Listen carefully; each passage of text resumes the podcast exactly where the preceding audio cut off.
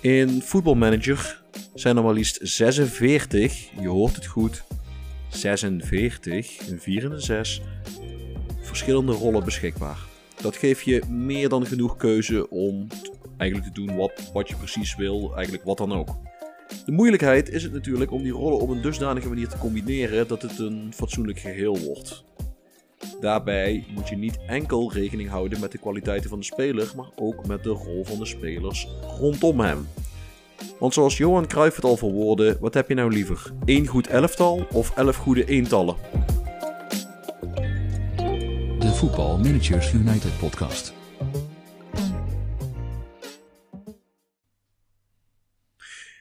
Hallo lieve luisteraars en welkom bij alweer een nieuwe aflevering van de Football Managers United podcast. Mijn naam is Guido en vandaag zijn Paul en Erik de afdraaiende voorzet en de grabbelende goalie bij mijn Portugese doelpunt. Nou, Hallo, hallo. Lekker. Sorry Erik. Ja, het doet toch nog een beetje pijn. Ja, nou ja, ik had misschien wat nadrukkelijker kunnen zeggen als ik had gezegd de grabbelende Cameroenese doelman bij mijn Uruguayaanse doelpunt in Portugese dienst. Dan had ik het er misschien nog wat dikker bovenop gelegd. Maar er kan ons in ieder geval niemand verwijten dat wij pro-Ajax zijn. Als podcast. Ah, inderdaad, ja. Ik heb hier al eh, vaak genoeg met eh, een hele reeks Feyenoorders gezeten, moet ik zeggen. Ja, Nou ja, eh, vandaag weer het geval, Erik, ben ik bang. ja eentje. Ja, ik dacht het al. Ik, ik ben geen Feyenoorder, eh, daar waar het aan mijn tongval nog niet te horen valt. Ik ben supporter van Fortuna Sittard en ja, daar mag je rustig om lachen, want we hebben een klote seizoen. Maar dat maakt niet uit. Je bent fan ook in slechte tijden. Daar zou jij als Feyenoorder echt wel verstand van hebben, Paul. Absoluut, ja. Nee, ik, eh, we nemen deze podcast eh, op de dag nadat Feyenoord voor het eerst sinds mensenheugenis weer eens de kwartfinale van een Europees toernooi heeft bereikt. Dan moet ik de waarde van dat, van dat Europese toernooi nog maar een beetje inschatten. Maar eh, we doen nog mee.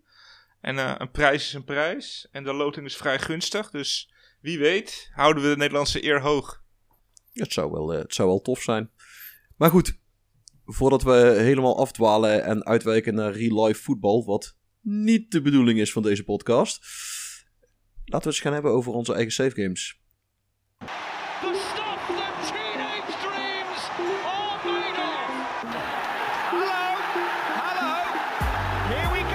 Onze eigen saves. Ik, ik, ga, ik heb nog niet genoeg gedro- gedronken om Choinizanka Choiniche fatsoenlijk uit te kunnen spreken. Eh, dus we beginnen bij Paul.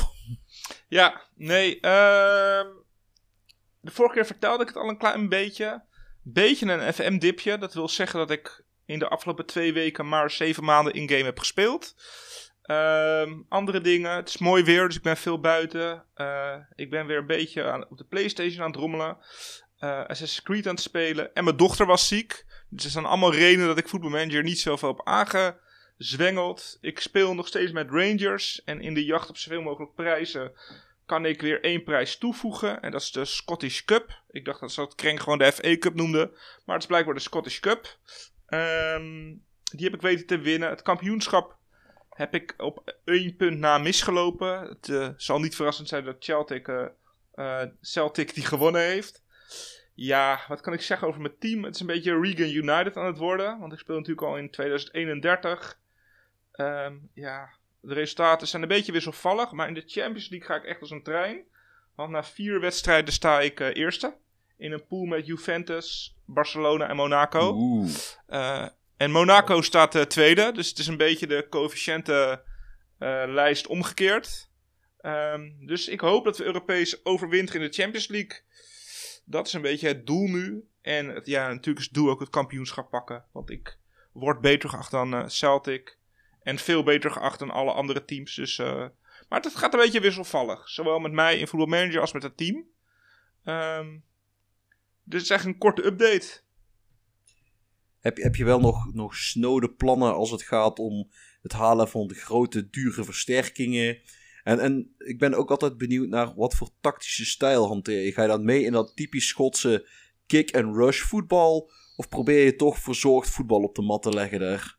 Ja, toch wel het laatste hoor. Want dat betreft ben ik wel een, eh, een Ajax-mannetje, om het zo maar te zeggen. Qua tactieken, alleen qua tactieken. Nee, ik, speel, ik probeer altijd wel. En daarom is het goed dat ik te gast ben in, dit, eh, in deze podcast-aflevering. Want ik ben geen tactisch wonder. En die rollen die begin ik steeds beter te begrijpen. Na heel veel tutorials op YouTube kijken. En heel veel eh, websites, waaronder strikerless.com kijken en lezen. Ehm, maar het, ik, ik ben er nog niet. Ik denk dat ik op 80% zit van jullie ongeveer. 70%. Laat een beetje bescheiden blijven. Dus ehm, ja, ik speel wel. Om even een voorbeeld te geven. Ik heb gewoon een vaste tactiek. En die gebruik ik eigenlijk bij alle clubs eh, in deze save. Ehm, ja, ik speel met voetballende verdedigers. Een beetje voetballende keeper. eh, opkomende backs. Dat is een beetje mijn doel. Ehm, dus wel lekker aanvallend. Ehm, ja, ik vind zelf met, met Zala vind ik altijd een hele leuke rol. En dat, dat, wordt, ja, dat zegt misschien wel een beetje. Ik vind het een leuke rol. Dus ik weet niet echt precies Wat hij eh, doet. wat hij doet. Ja, volgens mij, we gaan, er zo, we gaan er zo verder op in. Maar ik, ik denk dat ik trouwens wel een beetje weet wat hij doet. En dat ik het ook wel redelijk goed voor elkaar heb. Eh, maar dat, dat komt misschien zo wel als we, er, eh, als we erbij aanbelanden. Dus nee, antwoord op je vraag. Ja, eh verzorgd voetbal, voetballend uitverdedigen, hoog tempo. Eh, en wat, ja, wat ik vooral met deze tactiek heb, is dat ik hem vrij simpel heb. En dat ik me- mijn spelers dan ehm, ja, wat meer vrijheid geef. Maar je hebt niet gekeken wat de beste rol is van de beste elf spelers en daar je tactiek opgebouwd. Ehm, nee, ik, ik doe toch eigenlijk een beetje the other way around. Ik, ik heb Gelukkig. altijd wel een, beetje wel een, ik heb altijd wel een tactiek. En ehm, ja, vaak dan kijk ik toch een beetje naar de sterretjes. En dat is volgens mij wel een klein beetje een doodzonde, maar dan kijk ik toch wel een beetje wat past. En ja, op zich is het ook wel logisch dat een buitenspeler nou, redelijk snel moet zijn, een goede voorzet moet hebben. eh, eh, een spits moet eh, nou onder andere kunnen afwerken, maar ook gewoon fysiek in orde zijn. Nou enzovoort, enzovoort. Dus ik, ik probeer een beetje logisch na te denken. Maar ik, ik, deze podcast wordt voor mij even zitten en leren.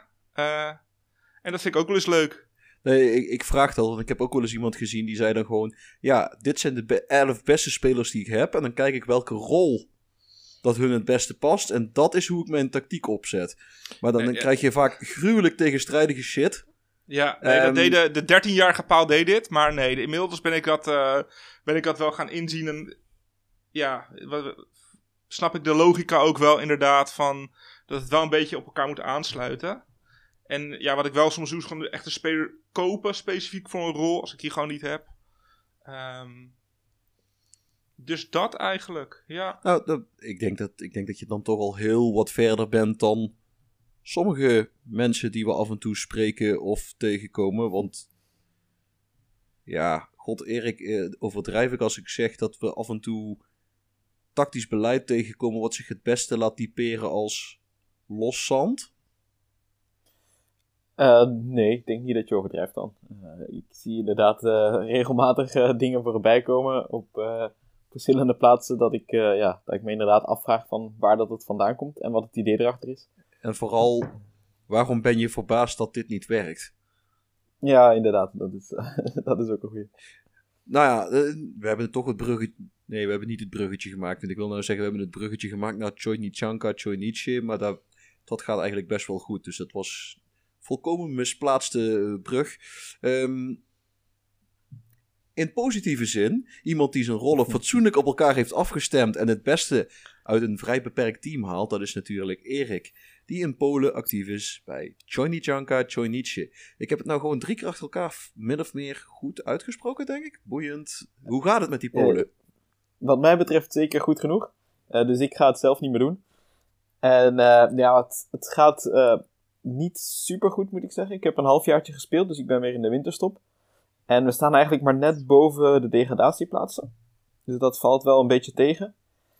Wat wel positief is, is dat bijna elke wedstrijd ik met, eh, al met vier new gens in de basis start. Dus eh, de echte verjonging is wel ingezet. En ik heb eh, in dit half jaar heb ik ook echt wel een inventaris gemaakt van, van alles wat ik, er, wat ik er nog achter heb staan.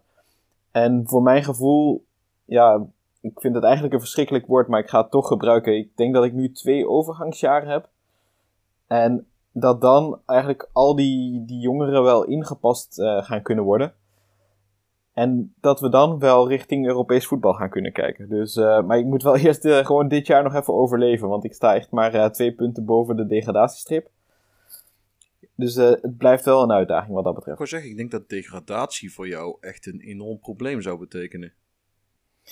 Ja, het is vooral, zorgt het eh, financieel voor, eh, ja, voor wat extra achterstand natuurlijk. Dan zal het moeilijker worden om, eh, om te, te kunnen blijven verbeteren in de faciliteiten.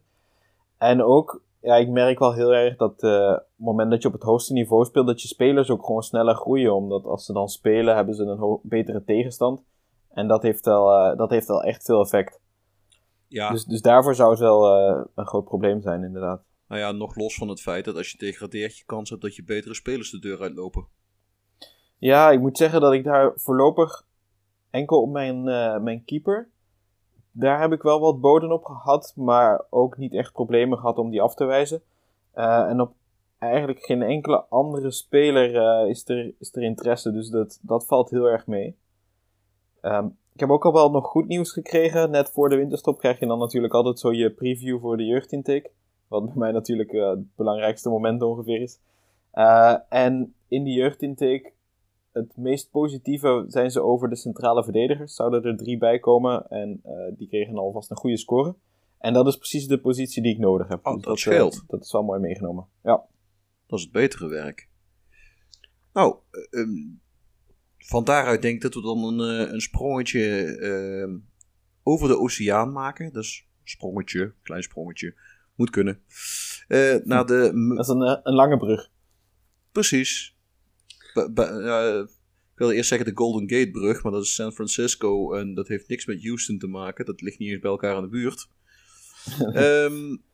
Maar anyway, Houston, de Houston Dynamo. En ik ben denk ik in het derde seizoen aanbeland met de Houston Dynamo. Het, leuke aan de MLS is, is dat als je eenmaal het tempo te pakken hebt, is het een eh, lekker snel speelbare competitie. Je speelt, nou, het is niet dat je weinig wedstrijden speelt, maar ze komen kort op elkaar allemaal. Eh, als je een beetje handig bent met de financiën, dan kun je onbeperkt buitenlanders opstellen, mits je voldoende internationale plekken in je roster hebt gekocht. Wat dan weer goed kan door spelers te traden en dan te zorgen dat je een internationale positie erbij mag pakken. Ik mag er dus inmiddels 15 opstellen, eh, door wat slim te traden links en rechts. Ik heb een. Nou, ik, heb Fabian wel eens uitgelachen omdat hij met een compleet vreemdelingenlegioen aantrad. Nee, sorry, Bjorn is dat. Ik heb Bjorn wel eens uitgelachen omdat hij met een vreemdelingenlegioen aantrad. Maar ik zal jullie even een, eh, een overzichtje geven van de verschillende nationaliteiten zoals ze in de Houston Dynamo selectie voorkomen. Mijn eerste doelman is een Brit met een Gibraltees paspoort. Gibraltees of... Nou, in ieder geval een keeper uit Gibraltar. Ja joh, het wordt dadelijk nog erger. Mijn tweede doelman is een Portugees die ook een paspoort heeft van Sao Tome en Principe. Ik heb geen idee hoe je een inwoner uit dat land noemt. Dan heb ik een Filipijnse Amerikaan. Een Engelse speler met een paspoort van Bermuda. Een speler uit Puerto Rico. eh, een, een Noord-Koreaan. Een Engelsman die internationaal voetbalt voor Oeganda. Een Amerikaan met een paspoort van de Bahama's. Een Zwitserse Kosovaar. Een Egyptenaar met ook een Amerikaans paspoort. Een Nederlandse Tanz een speler uit Tanzania. Dan Kazachstan en de Verenigde Staten. Een Argentijn. Een Litouwer. Een speler uit Guyana. Een gewone normale Amerikaan. Maar die heeft ook een paspoort van Montserrat. Dan. Even kijken, een speler uit Qatar, een Vietnamees. Een Nederlander met paspoorten van Bonaire en Ghana. Een Amerikaanse international met als tweede nationaliteit Mongolië. En nee, dat is dan geen Mongool, maar een Mongoliër. Dat heb ik echt opgezocht. en een Nederlander met als tweede nationaliteit Azerbeidzjan. Nou, dan denk ik, dan zit ik op zich wel lekker. Eh, in de tweede elftal zit er dan nog een eh, Armeen. Een speler uit de Cayman-eilanden. eh, een speler uit Panama. en Een speler uit Burkina Faso. Maar ja, die kan ik voorlopig even niet opstellen, want ik zit in de knoei met mijn buitenlanders. Eh, inkomende spelers is nog een, een Australiër met een Cypriotisch paspoort. En een speler afkomstig uit Sint Lucia. Met een Engels paspoort. En ik heb nog spelers op proef voor de toekomst vastgelegd. Een speler van de Wallis en Futuna-eilanden. Die heeft ook een, een Frans paspoort. Eh, Een speler uit Turkmenistan. Eh, Een speler uit Bahrein en een speler uit Tajikistan. Waarvan ik denk, ik heb geen idee of die ooit goed genoeg gaan zijn voor het niveautje van de MLS. Maar omdat ik vijf keer mag doorwisselen, kan ik best wel wat wedstrijden verzinnen waarin ik dat soort jongens gewoon de laatste twee minuten mee laat doen. En daar kom je ook een hele eind mee. Voor de rest, nou, de competitie zelf, die, is, eh, die gaat me vrij goed af.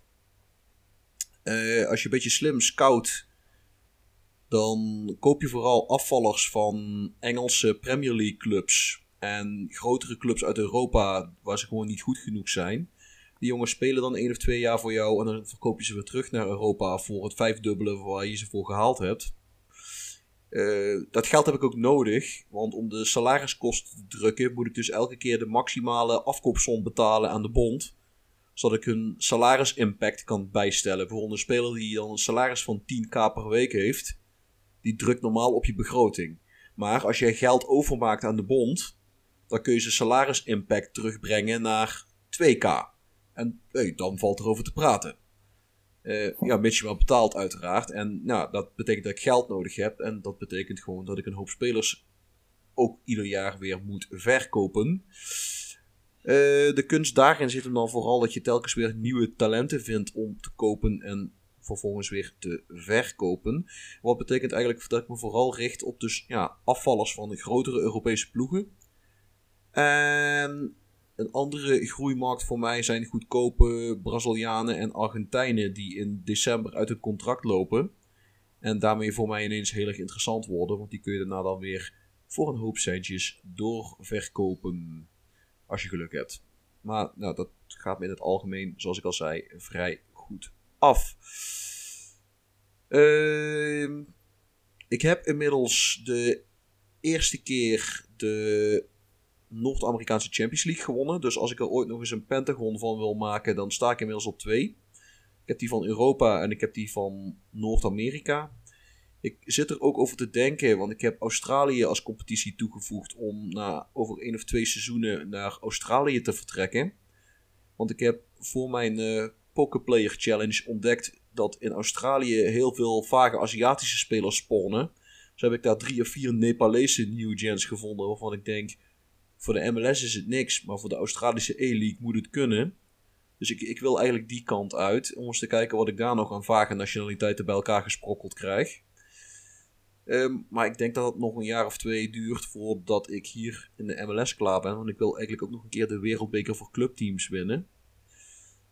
Met een Amerikaanse ploeg. Wat op zich al een uitdaging is, omdat je dus met die salariseisen zit.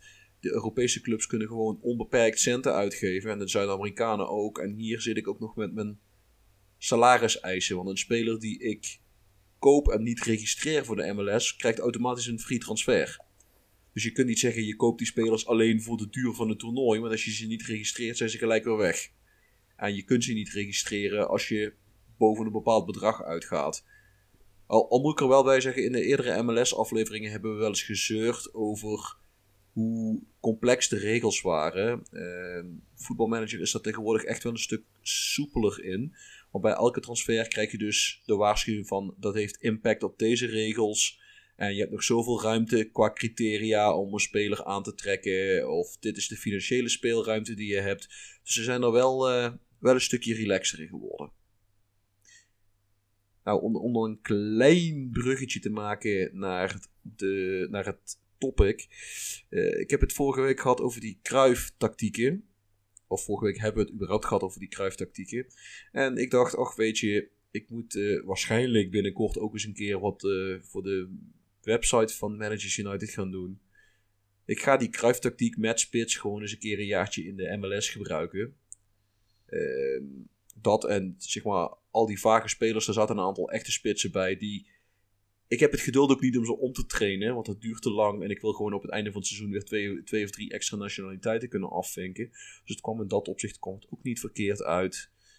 Eh, ik heb volgens ja, in de vorige aflevering heb ik al eens beschreven hoe het eruit ziet. Het is een eh 3-4-3, denk ik dat op zich een soort van mooie omschrijving is.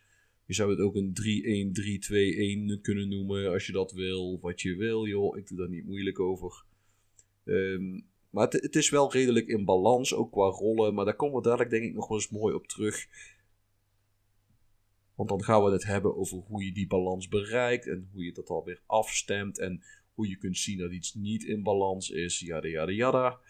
Dus eh, ik denk dat we daarmee het bruggetje hebben. Soort van heel kunstmatig naar het, eh, naar het thema van deze week. It's just the most extraordinary scenario you could have dreamt of. The unthinkable unfolds before our eyes. Het thema van de week. Namelijk rollen en zo. Hoe creëer je balans in je tactiek? Hoe pak je dat eigenlijk allemaal aan? En v- Paul die zit hier vandaag, eh, ik ga het vast verklappen, vooral in de rol om vragen te stellen en door te vragen. Want Paul zegt, ik, ik gaf van tevoren aan, nou, dit is niet helemaal my cup of tea, maar ik wil wel heel veel weten. En ik denk dat Erik en ik heel veel dingen for granted nemen. Wij denken van, nou, zo hoort het te zijn. En je denkt er eigenlijk verder niet meer bij na. Dus Paul is er eigenlijk om ons met, eh, met de neus weer op de feiten te drukken. En om ons na te laten denken over dingen die voor ons eigenlijk best wel vanzelfsprekend zijn. Juist hem, ja. Of gewoon de, ja, hoe moet je het zeggen? De arbeider tussen de professoren. Ik vind wel gelijk dat je gelijk voor die klassenstrijd gaat weer, hè? Ja, dat is, eh, Is dat de Feyenoorder in je? ja, de, de noeste arbeider tussen de, profe- de, de voetbalprofessoren. Ja, dat wordt hem. Jezus. Ja. Eh, Maar je hebt verder geen minderwaardigheidscomplexje. Nee, want wij eh, spelen nog Europees voetbal en Ajax niet meer. En Fortuna ook niet meer, volgens mij. Nee. Ah, tenzij we uit moeten tegen Roda. Ja, precies. Ja, dit jaar niet. Nee, volgend jaar misschien weer. Ja, laten we hopen van niet. blijf, blijf liever een divisie hoger actief als je het niet erg vindt. Ik eh, moet zeggen dat ik de, niet helemaal paraat heb wat Roda op dit moment doet. Maar eh, Eh, liggen in, zouden in, gaan waarschijnlijk de na-competitie wel halen. Of ze daar iets te zoeken hebben, dat is een tweede. Maar nou ja, je weet, je weet nooit hoe een koe een haas vangt in de play-offs. Het is altijd wel een leuke wedstrijd om te kijken. De, de, na, ja, de play-offs van de Ere en Eerste Divisie. Ligt eraan wie er spelen. Ja, ik heb nooit echt eh, het, de spanning, zeg maar, als ik die wedstrijden kijk. Maar het is altijd wel knotsgek. Dat is absoluut waar. Dat is absoluut waar. Maar ik, ik ga heel even een, een voorzetje naar, eh, aan Erik geven. I- is er een goede manier om voetbalmanager te spelen, Erik? Ja, ik vind het een heel moeilijke vraag eigenlijk. Ehm het lijkt misschien een makkelijke vraag, maar uiteindelijk niet. Ehm, ik bedoel, er is niet één manier die sowieso goed is. Dat is het zeker niet. Ehm, wat denk ik wel een goede manier is om voetbalmanager te spelen, is altijd om te proberen logisch na te denken.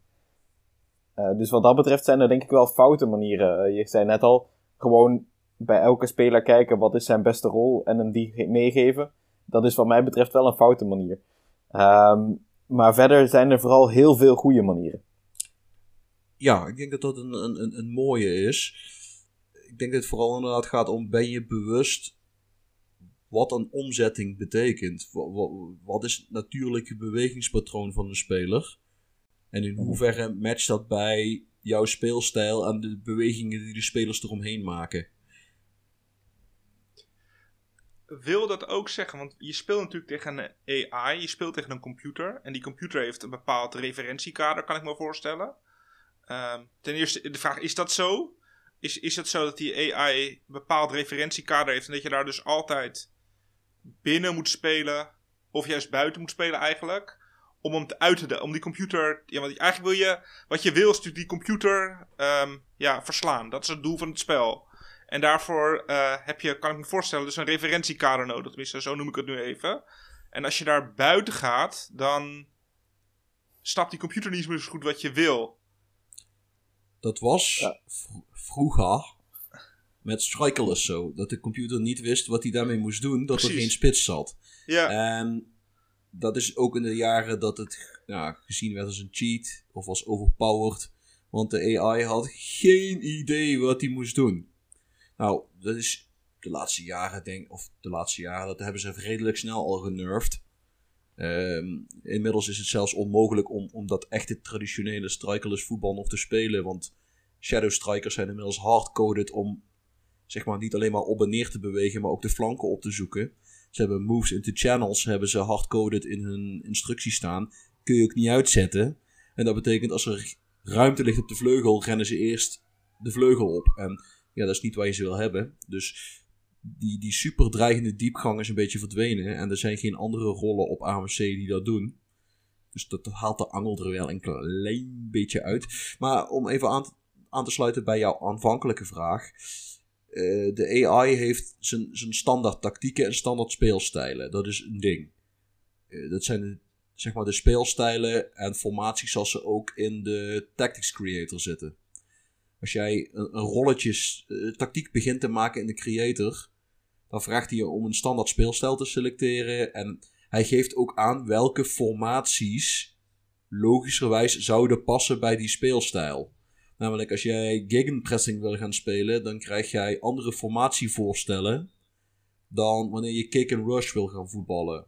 Of ik geloof dat het de direct approach of de long ball approach heet in de Engelse versie. Maar afhankelijk van de tactische stijl die je selecteert, krijg je een, een voorstel van de computer qua formatie en ook rollen die binnen die formatie passen. Nou, ik denk dat je daar je referentiekader hebt. Dan heb je dingen die, als je de juiste poppetjes op de juiste plekken zet, kom je daar een heel eind mee. En daarmee denk ik dat ze het spel nou, niet idiot-proof gemaakt hebben, maar wel user-friendly gemaakt hebben. Nou, op een gegeven moment kom je dan bij de wijsneuzen uit, zoals eh, onder andere Erik en ikzelf. En die zeggen, ja, maar wij willen iets helemaal vanaf de grond af aan opbouwen op onze manier. Want wij denken dat we het beter weten dan dat referentiekader. Is, is dat een, eh, een- weliswaar een lang antwoord, maar een, ook, een, ook een fatsoenlijk antwoord op je vraag? Ik denk het, ja zeker. Eh, en ik ben dat ondertussen ook even aan het doen. En ik laat bijvoorbeeld dan een, ehm, even kijken, volgens mij was het een eh, tiki-taka, laat ik in. En inderdaad 4-3-3 komt eruit met een verdedigende middenvelder. Dus 4-1-2-2-1. Beetje het klassieke Kruif eh systeem volgens mij. Een van de. Ja, een van de. En, en wat me dan meteen ehm, opvalt, en dat is misschien een beetje off-topic hoor, maar is dat de, dat de, de computer dus aankomt met drie spelverdelers op het middenveld. Als je zo'n standaard tactiek laat. Ja. En dat, dat kan niet goed zijn, toch? Mm. Drie spelmakers is wel een beetje echt letterlijk de, de, de spelmaker voor de verdediging, de zwervende spelmaker en de vooruitgeschoven. Ja, sorry, ik speel in Nederlands. Ehm, de vooruitgeschoven, dat, dat, dat kan niet goed zijn, toch? Ik, ik zou er zelf in elk geval zeker niet voor kiezen. Nee. Ehm, dat is ook de reden dat ik sowieso nooit met die eh, standaard tactieken begin. Nee, ik ook niet hoor, maar Ehm, ik was even aan het kijken. Nee, ja, maar, ja, we hebben het er eigenlijk al wel eens in een van de vorige podcasts ook al eens eh, over gehad. Ja, een, een spelmakerrol die, die gaat echt de bal naar zich toe trekken. Eh, en dan is het gewoon lastig als er drie zijn. En zeker als ze dan nog eens alle drie heel dicht bij elkaar staan. Dus in balbezit heb je dan al een probleem. Ehm, daar komt nog eens bij dat ze waarschijnlijk eh, een beetje in dezelfde ruimtes de bal zullen gaan vragen. Dus dat ze elkaar in de weg gaan lopen. Maar dat hoeft niet, gezien de rollen die ze hebben. Want die ene staat echt Ja. voor de verdediging. Dus dan zit je in de, op de eh, nummertje zit je op de zes positie te denken. Terwijl die andere meer op de acht en zelfs vooruitgeschoven richting de tien gaan. Dus dat hoeft geen probleem te zijn. Maar eh, qua balans denk ik dat je helemaal gelijk hebt. Want je hebt geen, geen Ja. waterdrager op het middenveld. Nee, dat is inderdaad het, het volgende dat ik ging zeggen. Dus inderdaad, zonder bal eh, doen die spelmakers ook gewoon vaak iets minder. En dan heb je daar een probleem. En ja, ook in balbezit zijn, zijn zij niet bezig met de zogenaamde restverdediging. En zijn zij vooral bezig met het, het spel verdelen. Dus daar ga je, ook, eh, ga je ook problemen hebben. Dus dit zou een foute manier zijn om Om voetbal Nee, het, het zou een kwetsbare manier zijn. Ik denk, als zolang dat jij de bal hebt, en dat is bij tiki-taka wel het doel, Ja, dan gaat dat als een tierenlier. Het probleem is, wat gebeurt er op het moment dat je de bal kwijtraakt? En dan, dan word je kwetsbaar. Maar kijk even naar het... eh, laten we een van de, de, de ultieme tiki-taka teams pakken.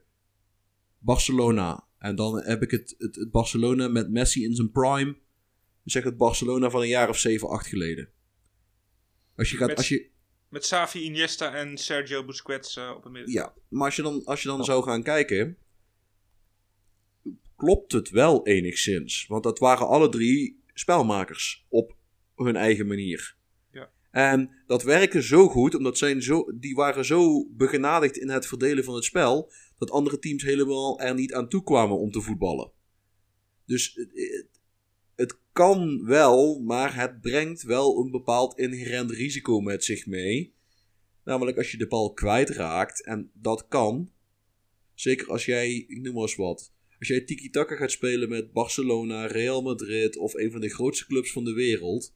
Dan heb je daar ook de beste spelers van de wereld staan. En dan kan dit. Maar als jij tiki-taka gaat spelen met eh pak een beet, Fortuna Sittard of Oagel. Dan heb je niet de beste spelers van de wereld. En dan kan dit wel eens aardig gaan in balbezit. Maar dan kan het ook zo zijn dat als je tegen een ploeg speelt die betere spelers heeft en ook nog eens lekker druk op je zet. Dat jouw middenveld eh, in elkaar dondert als een slecht gelukte kaassoufflé. En nu ik toch aan het vragen ben, stel je, je kiest ervoor om zo'n middenveld te hebben. En de, de, de drie middenvelders, die dus goede spelmakers zijn, hebben ook PPM's. Dat ze, ja, bestaan die überhaupt? Dat ze meteen druk zetten, dat ze meteen de bal afpakken, dat ze, dat ze goed kunnen tackelen. Ehm, dat, dan zou het wel kunnen werken, denk ik. Dus dat Ja, je een soort. PPM's zijn er niet. Nee, het wordt meteen lastig. Dus dan zou je, dan zou je toch in hun rollen nog wat moeten sleutelen. Dus ehm nu weet ik Ja. niet of je, een- of je een spelmaker kan selecteren dat hij meteen heel veel druk zet. Dan denk ik dat dat de beste manier is. Snel weer de bal veroveren. Ehm, En dan weer dat tiki-taka gaan doen. Het, het, het probleem wat je hebt met überhaupt als je spelmaker gaat opstellen, is dat de rollen zijn niet ten koste van alles customizable. Nee. Ehm som, som bepaald gedrag is hard-coded, dus daar kun je niks aan doen. Wat Ehm, vinden jullie daarvan? Ja, ik heb, eh, we hebben een, eh, een eh, aflevering gehad eh, met wat dat we in de volgende FM zouden willen. En daar heb ik wel gepleit voor, eh, voor eigenlijk op elke plaats een, eh, een volledige blanco rol. Zodat je, dat je een volledige, ja, volledige eigen rol kunt samenstellen eigenlijk. Zoals dat je op het middenveld natuurlijk hebt met de centrale middenveld. Ja, want de, sp- de spelmakerrollen, en ik heb het even geverifieerd omdat ik het niet meer zeker wist, die hebben allemaal eh hard-coded dat ze minder druk zetten. Ja. Dus de, de- dat kun je op je buik schrijven, dat je daar een... eh, ja, zelfs met de juiste attributen, en, wat trouwens een, een, ook bijna een no-no is, want je gaat geen creatieve spelmaker vinden die tegelijkertijd ook een harde tackler is en die enorm loopvermogen heeft. Want dan is het eigenlijk meer een box-to-box speler die gewoon alles een beetje kan. Die, die combo ja, is er eigenlijk bijna niet. Maar als als je die balans wil op de een of andere manier, zal dat ten koste moeten gaan van een van die spelmakers. Dus eh, als je dat risico wil uitbannen, dan. Nou, ik, zal, ik zal een ander voorbeeld geven.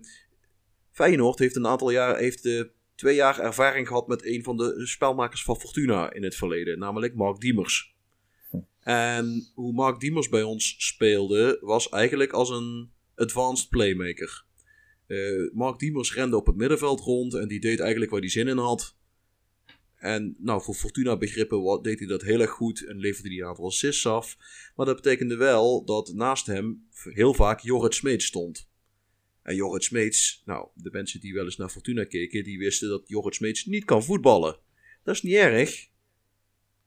Maar Jorrit Smeets, wat Jorrit Smeets wel kon, was heel hard lopen.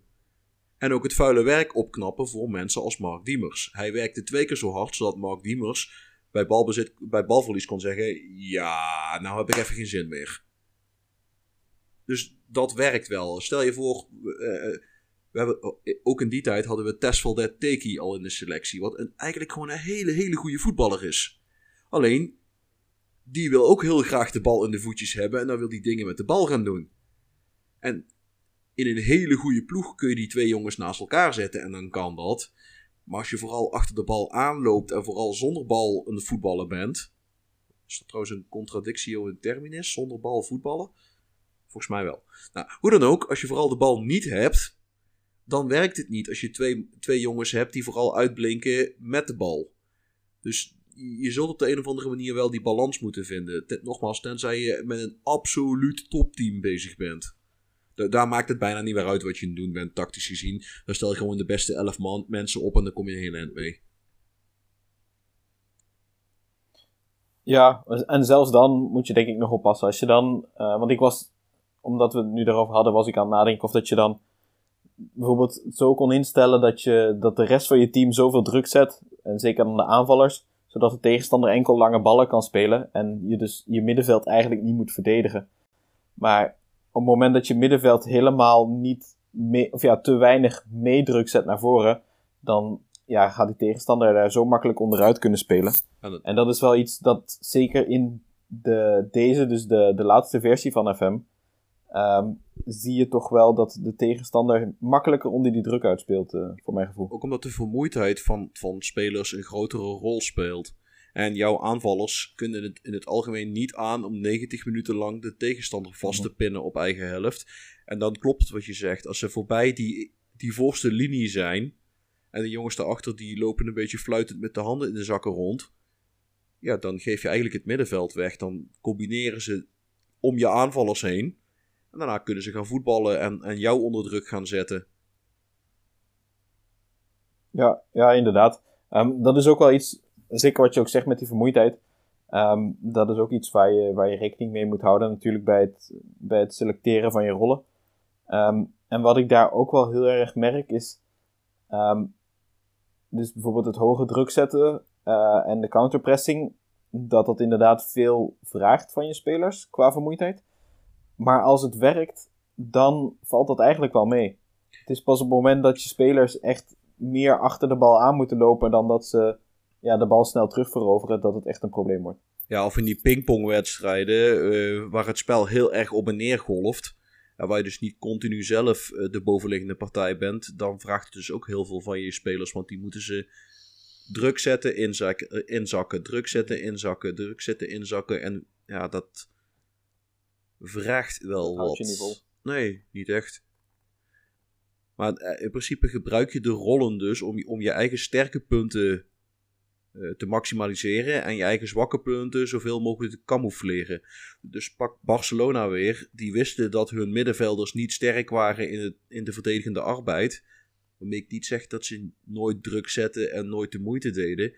Maar zij gebruikten de bal ook om te verdedigen. Namelijk als wij, hè, dan kom je weer bij die Cruyffiaanse wijsheden uit. Als wij hem hebben, hebben zij hem niet en kunnen ze ook niet tegen ons scoren. En, wij en zij waren zo goed in het vasthouden van die bal, het in bezit houden van die bal, ja, dan miste je die, die lopers en slopers niet. En die paar wedstrijden per jaar dat Barcelona het dan voetballend moeilijk had, dan konden die spelers zich ook nog wel opladen om wel even die paar extra meters te lopen. Ja, inderdaad. En ja, wat we net ook al zeiden, want je zegt nu um, dat je dus inderdaad de spelers rollen gebruikt om, om je eigen sterktes ook te maximaliseren. Um, helemaal in het begin zeiden we natuurlijk van het is niet de bedoeling, of ja, meestal werkt het niet, om gewoon je elf beste spelers op het veld te zetten en dan allemaal één voor één hun beste rol te gaan geven. Maar als je niet weet hoe je moet beginnen aan je tactiek, kun je wel één of twee van je beste spelers kiezen die hun beste rol geven en dan daaromheen gaan werken. En dan kan het bijvoorbeeld zijn dat een van je beste spelers een, uh, het beste speelt als zwervende spelmaker. Dan zet je die inderdaad in die rol op het middenveld. Alleen dan zou ik wel aanraden om daar uh, iets anders naast of achter of voor te zetten. Absoluut. En nou, uh, hè, laten we nou niet alleen zeggen wat er fout kan gaan, maar ook wat je eraan kan doen. Als jij in je tactieke schermpje zit dan heb je zeg maar de analysis knop. Die zit uh, rechtsboven in het hoekje. En als je daarop klikt, komen er allemaal gekleurde vakjes in beeld. En wat die gekleurde vakjes doen, is dat ze aangeven hoe de veldbezetting is. En- Ik eh, denk dat ik zojuist iets nieuws in voetbalmanager ontdekt heb. eh. Oh, nou, bij, bij deze, ouwe reus. Dankjewel, Guido. Als je daar. het is niet te doen om alle vakjes op felgroen te krijgen. Dat is vrijwel niet te doen. Dus. Ik noem maar eens wat. Als jij met drie spitsen speelt. dan heb je voorin heel veel groene vakjes. Want daar is de veldbezetting in orde. Maar dat betekent automatisch dat er ergens anders op het veld ruimte zal komen. Want je kunt niet alles afdekken. Nou, als jij eens achterin helemaal dicht timmert en heel veel groene vakjes hebt, dan heb je voorin weer wat minder groene vakjes, want dan zal de veldbezetting in de voorhoede automatisch minder zijn. Waarom? Want die spelers staan allemaal achterin. Dus ook daar is het weer een kwestie van de balans vinden. Nou, als jij naar je, naar je tactiek kijkt, garandeer ik je dat er, dat er ergens in je tactiek oranje en rode vlakken tevoorschijn komen. Bij, mij zeker, maar ik heb nu die, die preset tactiek aangeklikt, realiseer ik me. Maar nu ik mijn eigen tactiek aanklik, eh, eh, komen er ook rode vakjes. Ja, zeker. En alleen jij moet je dan afvragen: is dat een probleem dat die rode vakken er zijn? Kijk, in het algemeen, in de as van het veld, daar wil je ze niet hebben. Nee, daar heb ik ze Want niet. dat, dat is de zone die je dicht wil houden. Maar als, ik noem maar eens wat: als jij op links en rechts buiten, eigenlijk zeg maar eh, in de buurt van de cornervlag van de tegenpartij, rode Ja. vlakken hebt, heb ik. dan, dan moet je je afvragen: is dat een probleem? Eh, Moet je daar per se een, een, de, de constante aanwezigheid van een speler hebben? M- mijn redenering zou zeggen, daar, daar komt de bal niet zo vaak. Tenminste, niet in balbezit van de tegenstander. Ja, ik wil er ook niet heel veel komen eigenlijk. Want wat moet ik bij de cornervlag? Eh, dus nee, dus dat bal van een corner nemen. Maar nee, dat is, dat is dus geen probleem. Nu zie ik wel dat op mijn backpositie, eh, om het zo maar even te zeggen, is het ook vrij rood. En ook daar zeg ik, dat, dat kan. Eh, de vraag is alleen, is het een bewuste keuze om die positie wat onder bezet te laten? Of is het een zone waarvan je zegt, nou ik vind hem eigenlijk wel belangrijk, maar de Oh. rollen kloppen niet? Want- Voor, voor, mijn gevoel niet, omdat ik, ja, wat ik zeg, ik speel met Rangers. Dus ik speel met een van de beste teams uit de Schotse competitie. Ik wil aanvallen, dus wat moet ik bij mijn eigen cornervlag doen? Ook daar Zo- dus weer, dus er zit wel een idee achter. Alleen, we- wees je er dus van bewust dat als je tegen een sterkere tegenstander gaat spelen, die wel in staat is om jou onder druk te zetten, dan is dat waar het bij jou wel eens pijn zou kunnen gaan doen. ja. Dus dat, dat zou dan een reden kunnen zijn om lichte aanpassingen te doen.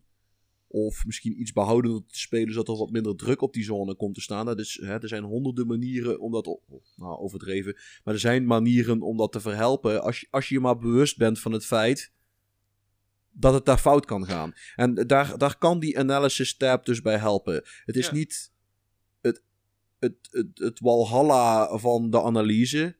Het is niet zo dat als je daar iets eh, roods ziet, dat het in, direct fout moet zijn. Maar het, kan wel, het is vooral een indicatie van: hey, ben je ervan bewust dat daar een, een, een zwart gat of een, een lacune in je tactiek zit? En is dat er eentje die je in stand wil houden omdat het eigenlijk gecompenseerd wordt door andere dingen? Of is het iets wat wel eens een probleem zou kunnen gaan opleveren? Als ik kijk naar mijn eigen tactiek, dan zeg ik ehm, in de zone net achter de rechts en de links half, is, dat is knalrood bij mij. Als, als in, normaal gesproken komt daar niemand. Eh, vind ik dat een probleem? Niet direct. Ik heb een eh, ball-winning midfielder centraal staan die nog wel eens naar de flank wil uitwijken als het nodig is. En ik heb wide centerbacks die af en toe naar die, naar die zone doorstoten. Dus als daar iemand komt, dan wordt die wel opgevangen. En het is niet een zone van waaruit je direct doelpunten kunt scoren. Dus ik vind het wel prima zo. Met name omdat die inverted winger die op die halfplaats staat als een malle scoort. Dan denk ik, nou, de doelpunten die die gasten maken, die vind ik dan belangrijker dan dat ik het daar verdedigend 100% dicht timmer. Dus ook daar is het een kwestie van risk and reward is misschien een, eh, een, een, een, een, juiste omschrijving. Durf ik het risico aan en is, is het me dat waard? Ja, ja, inderdaad. Dat is denk ik eh, een, een afweging of die je maakt bij, bij, elke, bij elke beslissing in je tactiek. Eh, dat is inderdaad de balans waar we het al eerder over hadden. die, die je moet zoeken. En dan eh, inderdaad, ja, risk reward daar.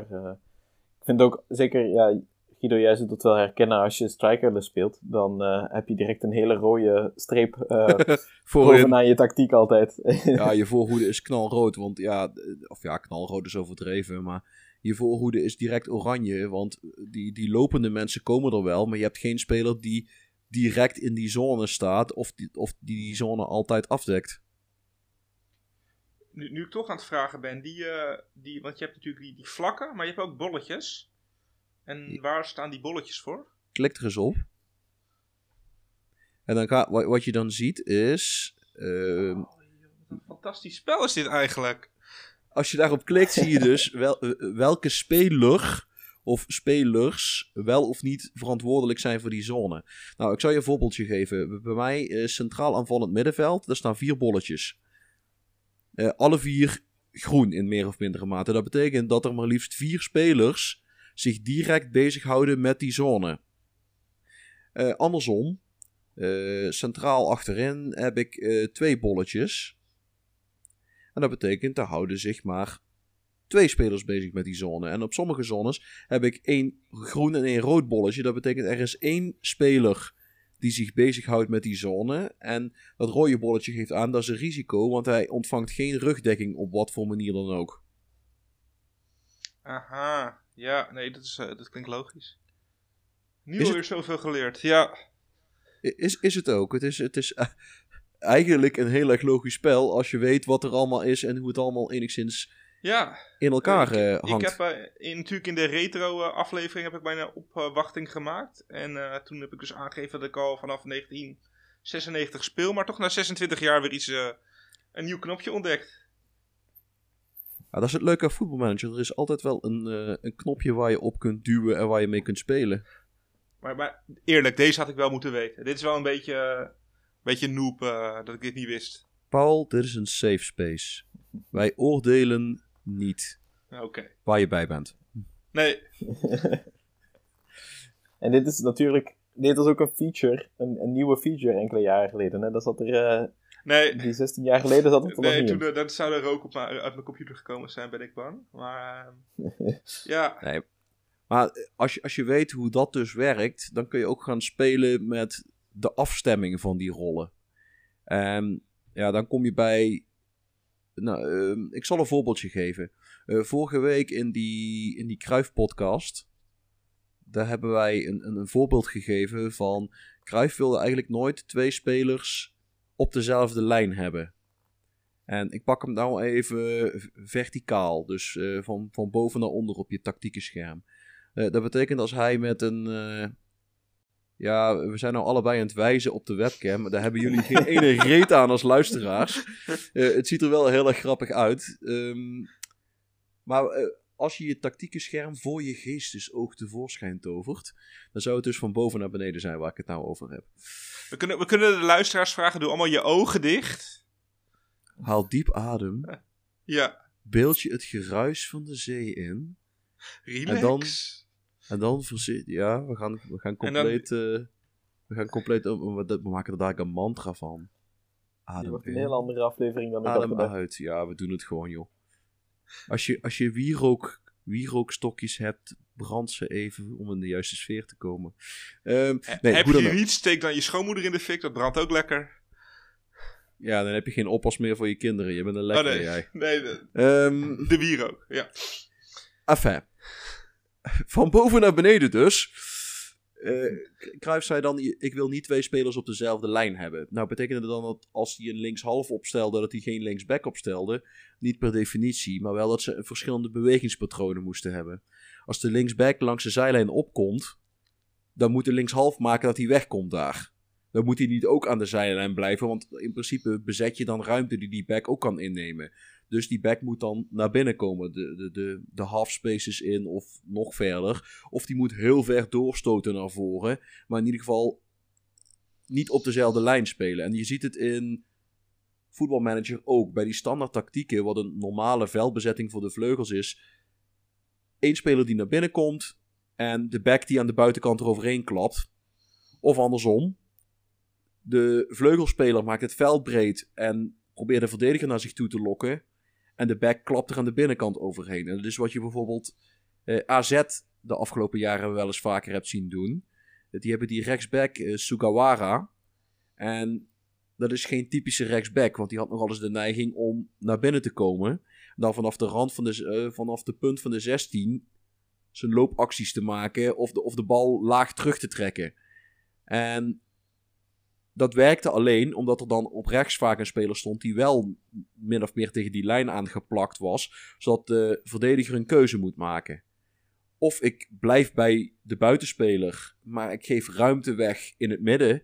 Of ik dek de zone in het midden af, maar dan komt die buitenspeler aan de buitenkant wel helemaal vrij om zijn voorzetten te geven of zijn acties te maken. Dus en dan sluit ik wel weer aan bij wat we ook in die Kruif-podcast gezegd hebben. Het gaat erom dat je de tegenstander dwingt tot het maken van keuzes. En als alle spelers dus continu dezelfde loopacties en bewegingen maken, ja, dan ben je voorspelbaar. En als je voorspelbaar bent, dan maak je die keuzestress bij een tegenstander ja, beduidend minder. Uh, ander voorbeeldje. En uh, Erik die gaat me dadelijk aanvullen, want die heeft er ook wel.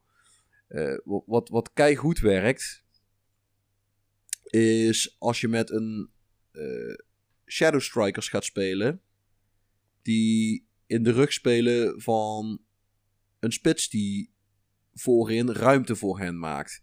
Nou, dat kan op verschillende. Want Shadow Strikers zijn van nature spelers die veel lopen, zowel horizontaal als verticaal. Uh, als je daar voorin dus speelt met een spits die dat ook doet, dan worden verdedigers gedwongen om keuzes te maken hou ik rekening met die Shadow Striker die een loopactie gaat maken?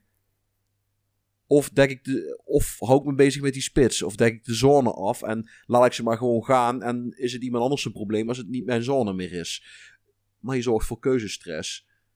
Uh, wat in het verleden keihard werkte, waren Shadow Strikers in combinatie met een False Nine.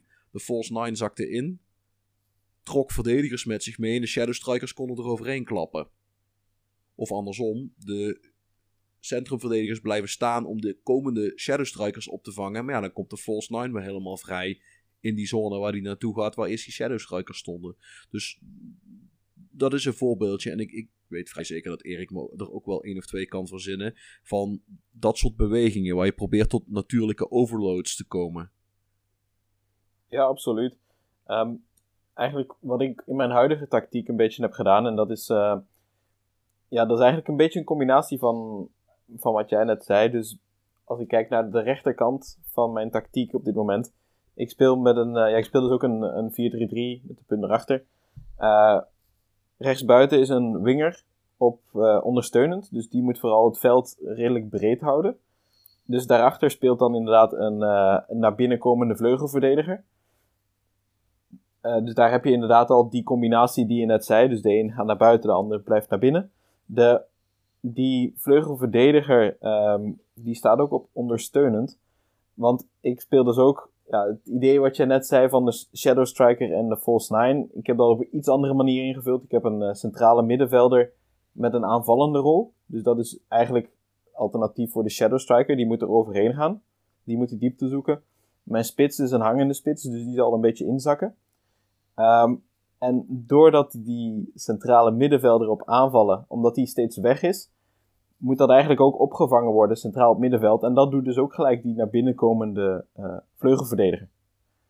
Dus zo heb ik eigenlijk twee van die, die koppeltjes die jij net zei gecombineerd. Zodat het eigenlijk dus in één keer vier spelers zijn die allemaal op die manier met elkaar uh, in interactie zijn. Ja, precies. Een, een ander voorbeeld, eentje die je misschien wat vaker tegenkomt. Een, iemand stelde Mazala op wat een speler is die van nature wat meer richting de flanken gaat zonder daadwerkelijk echt op de flank uit te komen. Um, omdat we de technische, tak, sorry, de technische term te gebruiken, dat zijn spelers die de half space opzoeken. Zeg maar die dunne streep tussen de echte vleugel en de as van het veld. Um, dat, dat is die zone waar je het voor verdedigers moeilijk gaat maken. Beetje het puntje van het 16 meter gebied, toch? Ja, zo kun je het zien. Maar uh, het feit is, het is een zone die het voor verdedigers moeilijk maakt. Want als er echt op de vleugel iemand staat, dan moeten ze gaan kiezen. Pak ik die speler op die een beetje op, op de rand zwerft? En dan laat ik die jongen op de vleugel vrij. Of stap ik uit En moet een van de centrumverdedigers ook uitstappen om die andere zone. Oftewel, schuift de hele verdedigende lijn op. Of blijven we centraal spelen en gunnen we, gunnen we ze de vleugel. Dat, dat, is die keuzestress. Maar goed, je hebt dan een Mazala die die loopactie naar de, naar de buitenkant maakt. Vaak hebben ze dan aan de buitenkant een, of een inside forward of een inverted winger staan, maar een speler die ook wat meer naar binnen toe komt. Waardoor je zo'n soort van natuurlijke overload al krijgt, 2 tegen 1, wat je ook doet. En aan de buitenkant laat je dan een, een, vleug, een, een vleugelspeler staan, een, een back staan, die het veld weer breed houdt. Die dan, zodat er altijd aan die buitenkant veldbezetting is. Nou, een complete wingback zou daar een hele leuke voor zijn. Alleen, je zit wel met je restverdediging en zo. Je zit met je balans. Daar zul je wat rekening mee moeten houden, links en rechts. Maar het kan tot enorm mooie overloads leiden. Uh, het, is, het, is, misschien grappig, en dit is niet uh, gescript om te vermelden, dat ik uh, dit exact zo heb staan op mijn linkerkant. Nou. Um, en hm. mijn vraag is dan wel, en mijn redenatie is eigenlijk hetzelfde als jou hoor. Gaan die met Salah en die inverted winger elkaar dan niet in de weg lopen? In het algemeen niet. Ja, het, het, is natuurlijk ook inderdaad mooi dat je een 2 tegen 1 situatie creëert. Maar het is ook zonde een beetje om, om een beetje op die kruif redenatie door te gaan als ze letterlijk of figuurlijk tegen elkaar aanlopen. Uh, ja, maar laat ik het anders stellen. Uh, heb je ze in, in je wedstrijden vaker gezien dat ze elkaar aan de weg lopen? Nee, nee, nee dat, valt, dat, valt, dat valt reuze mee. Dus dan, misschien is dan het, doen ze het meestal ook niet. Uh, meer het theoretische kader wat ik in mijn hoofd heb, of, of de, de veldbezetting die ik in mijn hoofd heb. Oh, Paul, Paul uh, het, is ook wel, oh, sorry, het is ook wel een beetje afhankelijk van de, van de mentaliteit die je ze meegeeft, natuurlijk. En de passingstijl. Um, inderdaad, ja. Als jij korte passes speelt, dan hoeft het geen probleem te zijn dat ze redelijk dicht bij elkaar staan. Want dan krijg je dat ja. tik, tik en verder loopvoetbal. Ja, okay. ja dat, dat, dat heb ik. Ik heb shorter passing heb ik aan. En met Salah staat wel op attack. Um, mm -hmm. Maar dat komt meer omdat ik toch om, om die balans op het middenveld. Want ik heb inderdaad een Metzala op attack. Um, een deep lying playmaker op support. En dan een defensive uh, midfielder op defense. Om toch die balans. Uh, ja, maar dan heb je dus die defensive midfielder. Die blijft wat meer hangen. Ja. En die zorgt ervoor dat er altijd iemand achter de bal blijft. Nou, die spelmaker die mag lekker met balletjes gaan gooien. En die Mazala die zorgt voor het betere loopwerk. En probeert ook door te stoten richting ja. de 16 meter als het kan. Het, Want, klinkt als de, als de goede traditionele driehoek van een, uh, een sloper, een loper en een, en een spelmaker. Ja, want um, vroeger, niet zo erg lang geleden, toen ik nog wat minder met tactieken bezig was. Ja, ik vind zelf die dynamische middenvelder, of die box-to-box -box middenvelder, die vind ik eigenlijk best heel erg vet in voetbalmanager. Maar die, die werkt dus niet zo goed in combinatie met hem met Salah, denk ik. Nou, Omdat het dan het... allebei lopers zijn en dan... Je, je moet het ook zo zien. Um, een box-to-box midfielder, dat is eigenlijk een soort manusje van alles. Die kan alles, maar die is nergens super goed in. En dat, dat, waarmee niet gezegd is dat het verkeerd is, hè. Maar je, je hebt een speler die eigenlijk alles kan, maar nergens in excelleert. En als je gaat kijken naar. Ik pak even gewoon het centrale middenveld. Als je gaat kijken naar je centrale middenveld, dan zijn er eigenlijk verschillende taken die die centrale middenvelders moeten invullen. Uh, voor mijzelf is dat een centrale middenvelder die kan als taak hebben het, het, beschermen van de achterhoede en van de restverdediging. Of het spel verdelen of afjagen. Uh, inschuiven of doorschuiven. Het scoren van doelpunten. Nou, het is niet zo dat één speler al die taken moet vervullen. Het kan wel. Maar ja, la, la, hè, wij zijn mannen. En de meeste voetballers ook.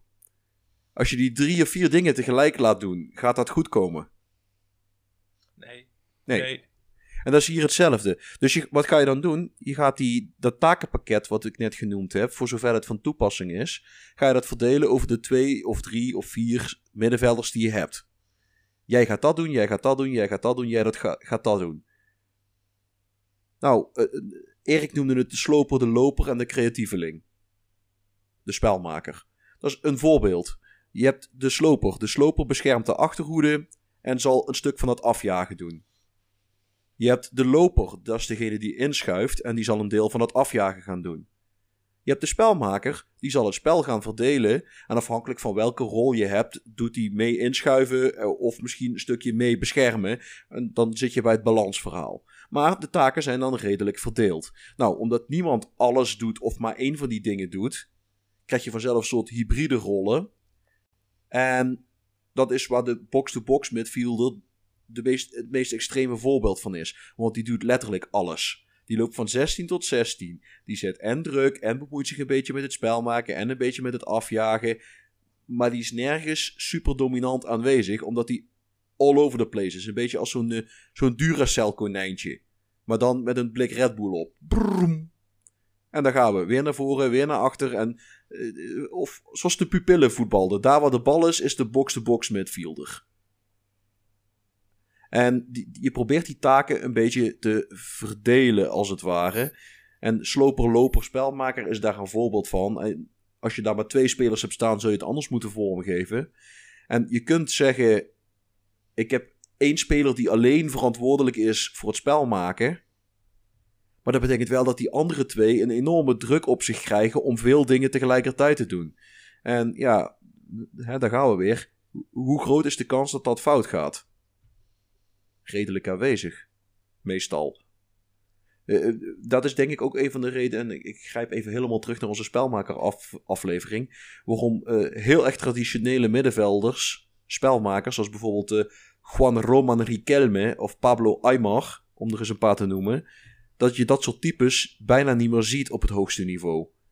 Die, die doen maar één ding, en dat doen ze echt enorm goed, maar de rest van het team moet twee keer zo hard werken om die jongens te laten renderen. En dat, ja, ik zal niet zeggen dat het niet meer kan, want dat is niet waar. Maar het is steeds moeilijker aan het worden. Ook omdat de meeste spelers steeds meer echte atleten zijn. En ja, dan kun je het je niet permitteren dat één speler gewoon bij balverlies niet meer meedoet.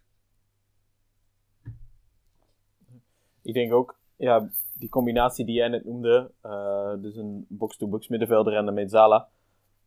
In een 4-3-3 kun je dat wel werkende krijgen, omdat je het kunt compenseren door, wat ik net al zei, bijvoorbeeld een, uh, een back naar binnen te laten komen om die ruimte op te vullen. Je hebt de verdedigende middenvelder die die op, op, op kan vullen. Dus er zijn wel manieren. Uh, in een 4-4-2 lijkt het me al heel, heel moeilijk om dat werkende te krijgen. Omdat je dan gewoon ah, het kan. heel vaak een gat in het midden gaat hebben. Of je moet dan weer werken met die... Ja, moet andere spelers in die ruimtes laten komen.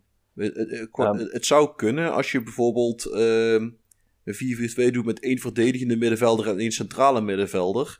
Dan heb je daar middenin een gat en als je de inverted wingbacks naar binnen laat komen dan zou je dat kunnen gebruiken om, de, om die ruimtes, die gaten te dichten. Dus je, je maakt bewust gaten in je opstelling om vervolgens vanuit de loopacties van bepaalde rollen te anticiperen met dat je ze weer dichtloopt. Uh, dat is overigens iets waar de AI enorm moeite mee heeft, want die denkt, ah, gat. Ja. Ja, en dan is hij zeg maar als het ware een dronken student die denkt, hey, gat, daar duik ik in. Um, en dat wordt hij vervolgens gekokblokt. Um, hele slechte analogie trouwens. Uh, maar dat maakt niet uit. Zo we, we, begrijpen, we begrijpen wat je bedoelt, uh, Guido. Gelukkig. Nou, ik, ik, kan je een ander voorbeeld geven. Uh, niet een betere analogie, maar wel een, een ander voorbeeld van hoe je met die ruimtes kan spelen. toen Football Manager pas uit was, deze versie, heb ik een tactiek gehad zonder verdedigende rol erin. dat was de white centerbacks, daar had ik er twee van. En een libero. Dus dat had je een driemans achterhoede van twee white centerbacks en een libero. En nou, het idee van een white centerback is dus dat ze wide gaan. Nou, dat betekent ook dat je, ja precies, je, je lijkt nou een vogeltje met je armen uit elkaar. of je, Jesus Christ, maar dat is een... Uh, sorry christelijke luisteraars, ik zeg daarmee niet dat Paul een reïncarnatie is van onze, van onze Heer. Het scheelt um, niet veel overigens hoor. Kun jij water in wijn veranderen dan? Uh, nou, vast wel. Dat klinkt als iets wat we moeten gaan proberen. Enfin, um, je weet dan ook dat, dat je... Een meeting. Ja, absoluut. Je weet dan ook dat de ja, rest... Ik, ik, heb die, ik heb die rand, randstedelijke onbescheidenheid. Hè? Dat is een beetje wat mij... Uh... On, onbescheidenheid? Onbescheidenheid. On... Oké. Okay. Eh, volgens mij is dat ook geen woord, maar we doen er niet moeilijk over. Arroga ik heb die randstedelijke arrogantie. Dat klinkt al beter. Ehm, of in ieder geval accurater. Sorry. Sorry, randstedelijke luister luisteraars. We zeggen niet dat jullie allemaal arrogant zijn. Alleen dit exemplaar. Sorry, Paul. Nee, ehm waar was ik eigenlijk over bezig? White centerbacks. maken. En, White centerbacks. Ja, je, je ging een betere analogie geven. Juist. ehm, white centerbacks. En nou, je weet dus ook, als die jongens wijd gaan, eh, het veld breed maken, dan hou je in het midden een pro- ja, hou je niemand meer over. En nou, de Libro staat er ook onbekend dat hij eh, doorschuift naar voren, maar dat is met een bepaald idee. Namelijk, als je daar een pure verdediger laat staan, dan staat hij gewoon in zijn eentje een heel groot gebied af te dekken. Wat, dit, wat was mijn idee? Ik zet daar nou eens twee verdedigende middenvelders voor, die redelijk op hun plek blijven staan. Als ik dan vervolgens de libero laat opkomen, wat krijg je dan bij balbezit? De libero schuift door tussen die twee andere eh, verdedigende middenvelders in. En die wide centerbacks klappen er aan de buitenkant langs door. Nou, dat waren ook wide centerbacks op attack. Dus die schuiven gewoon vrolijk door richting het middenveld. En als je dan zorgt dat die centrale middenvelders, sorry, dat je vleugelmiddenvelders maken dat ze wegkomen bij balbezit, dan heb je gewoon wide centerbacks die op een gegeven moment halverwege de helft van de tegenpartij staan. En de AI eh, heeft dan zoiets van: wat gebeurt hier? Jij bent de verdediger, jij, jij, jij hoort hier niet te staan. Error, kortsluiting. Nou, wat zag je dan? Ehm, mijn wide centerbacks die waren best wel goed voor wat assists. Want die gaven die bal dan uit die diepe situaties voor. En nou ja, daar hebben we het eerder over gehad. Diepe voorzetten, die werkten in het begin van het spel gewoon enorm goed. Eh, dat plus ik heb daar op een gegeven moment gewoon echte vleugelverdedigers neergezet die ik een beetje in het omtrainen was. Eh, Bij Dynamo Kiev had ik toen nog de beschikking over eh, Mikolenko, wat een hele goede wingback is, die ook in het centrum kan spelen. Nou, die is geknipt voor die rol. Maar enfin, het idee was dus, je, speelt met de natuurlijke bewegingspatronen. Je laat bewust gaten vallen, maar je houdt rekening met de bewegingen van anderen om die gaten weer te dichten. Want bij balverlies stonden er nog steeds drie verdedigers achterin. Namelijk die twee controlerende middenvelders. Dat waren Segundo Volantes op support. En die Libero. Want een Segundo Volante op support die schuift een beetje tegen de middenlijn aan. En je Libero op support of attack gaat zo'n beetje rondom de middenlijn staan. Dus bij balverlies stonden er nog gewoon drie spelers op de middenlijn geposteerd in het centrum. En die wide centerback stonden dus op de helft van de tegenpartij. Die zakken dan wel weer in. Maar in die, in die omzetting had je wel weer tijd om, om de zaak goed neer te zetten. Ja, ik vermoed ook als je met die tactiek, ehm, dat, dus als we het juist over die, over die groene vakjes hadden, dat je weinig groene vakjes had in de allerlaatste lijn. Maar omdat jij eigenlijk gewoon alles een beetje naar voren opschoof, ja, maakt dat eigenlijk niet zo heel veel En, uit. en je kiest uiteraard wel teaminstructies die matchen met dat idee wat je hebt. Want als, je, als dat is hoe je speelt, dan moet je niet met een lage defensieve lijn gaan spelen. Want dan zeggen jouw spelers ook van, wat de fuck wil je nou vriend? Ja, ik moet naar voren lopen en erachter. Precies, je wil dat ik op de middenlijn sta te voetballen, maar vervolgens moet ik wel helemaal inzakken tot met mijn kont in de eigen 16. Dat gaat niet, hè? En waarschijnlijk ook hoog druk zetten. En Ja. de buitenspelval aan. Ja, tuurlijk. Voor want, die, die, die- want je hebt z- zeeën van ruimte achter je. Dus dan is dat wel... nou, en dat, dat werkt dan in, hè, in theorie, lijkt dat een prima idee, maar je moet er natuurlijk in de praktijk ook de juiste spelers voor hebben. Nou, om, Ja. om dan een, een voorbeeld uit de praktijk weer te gebruiken, we hebben vorig jaar gezien hoe Sergio Ramos regelmatig gewoon op snelheid eruit gelopen werd. Prima verdediger, mits je hem in zijn kracht gebruikt.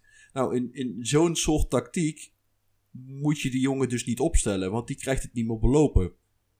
Ehm, dus je gaat dan vaak wel voor wat jongere spelers, of in ieder geval voor snelle spelers, of spelers die zich goed opstellen. Een, een andere speler die zo'n systeem de hel zou vinden, als die een van die centrale spelers was, zou Daily Blind zijn. Zo.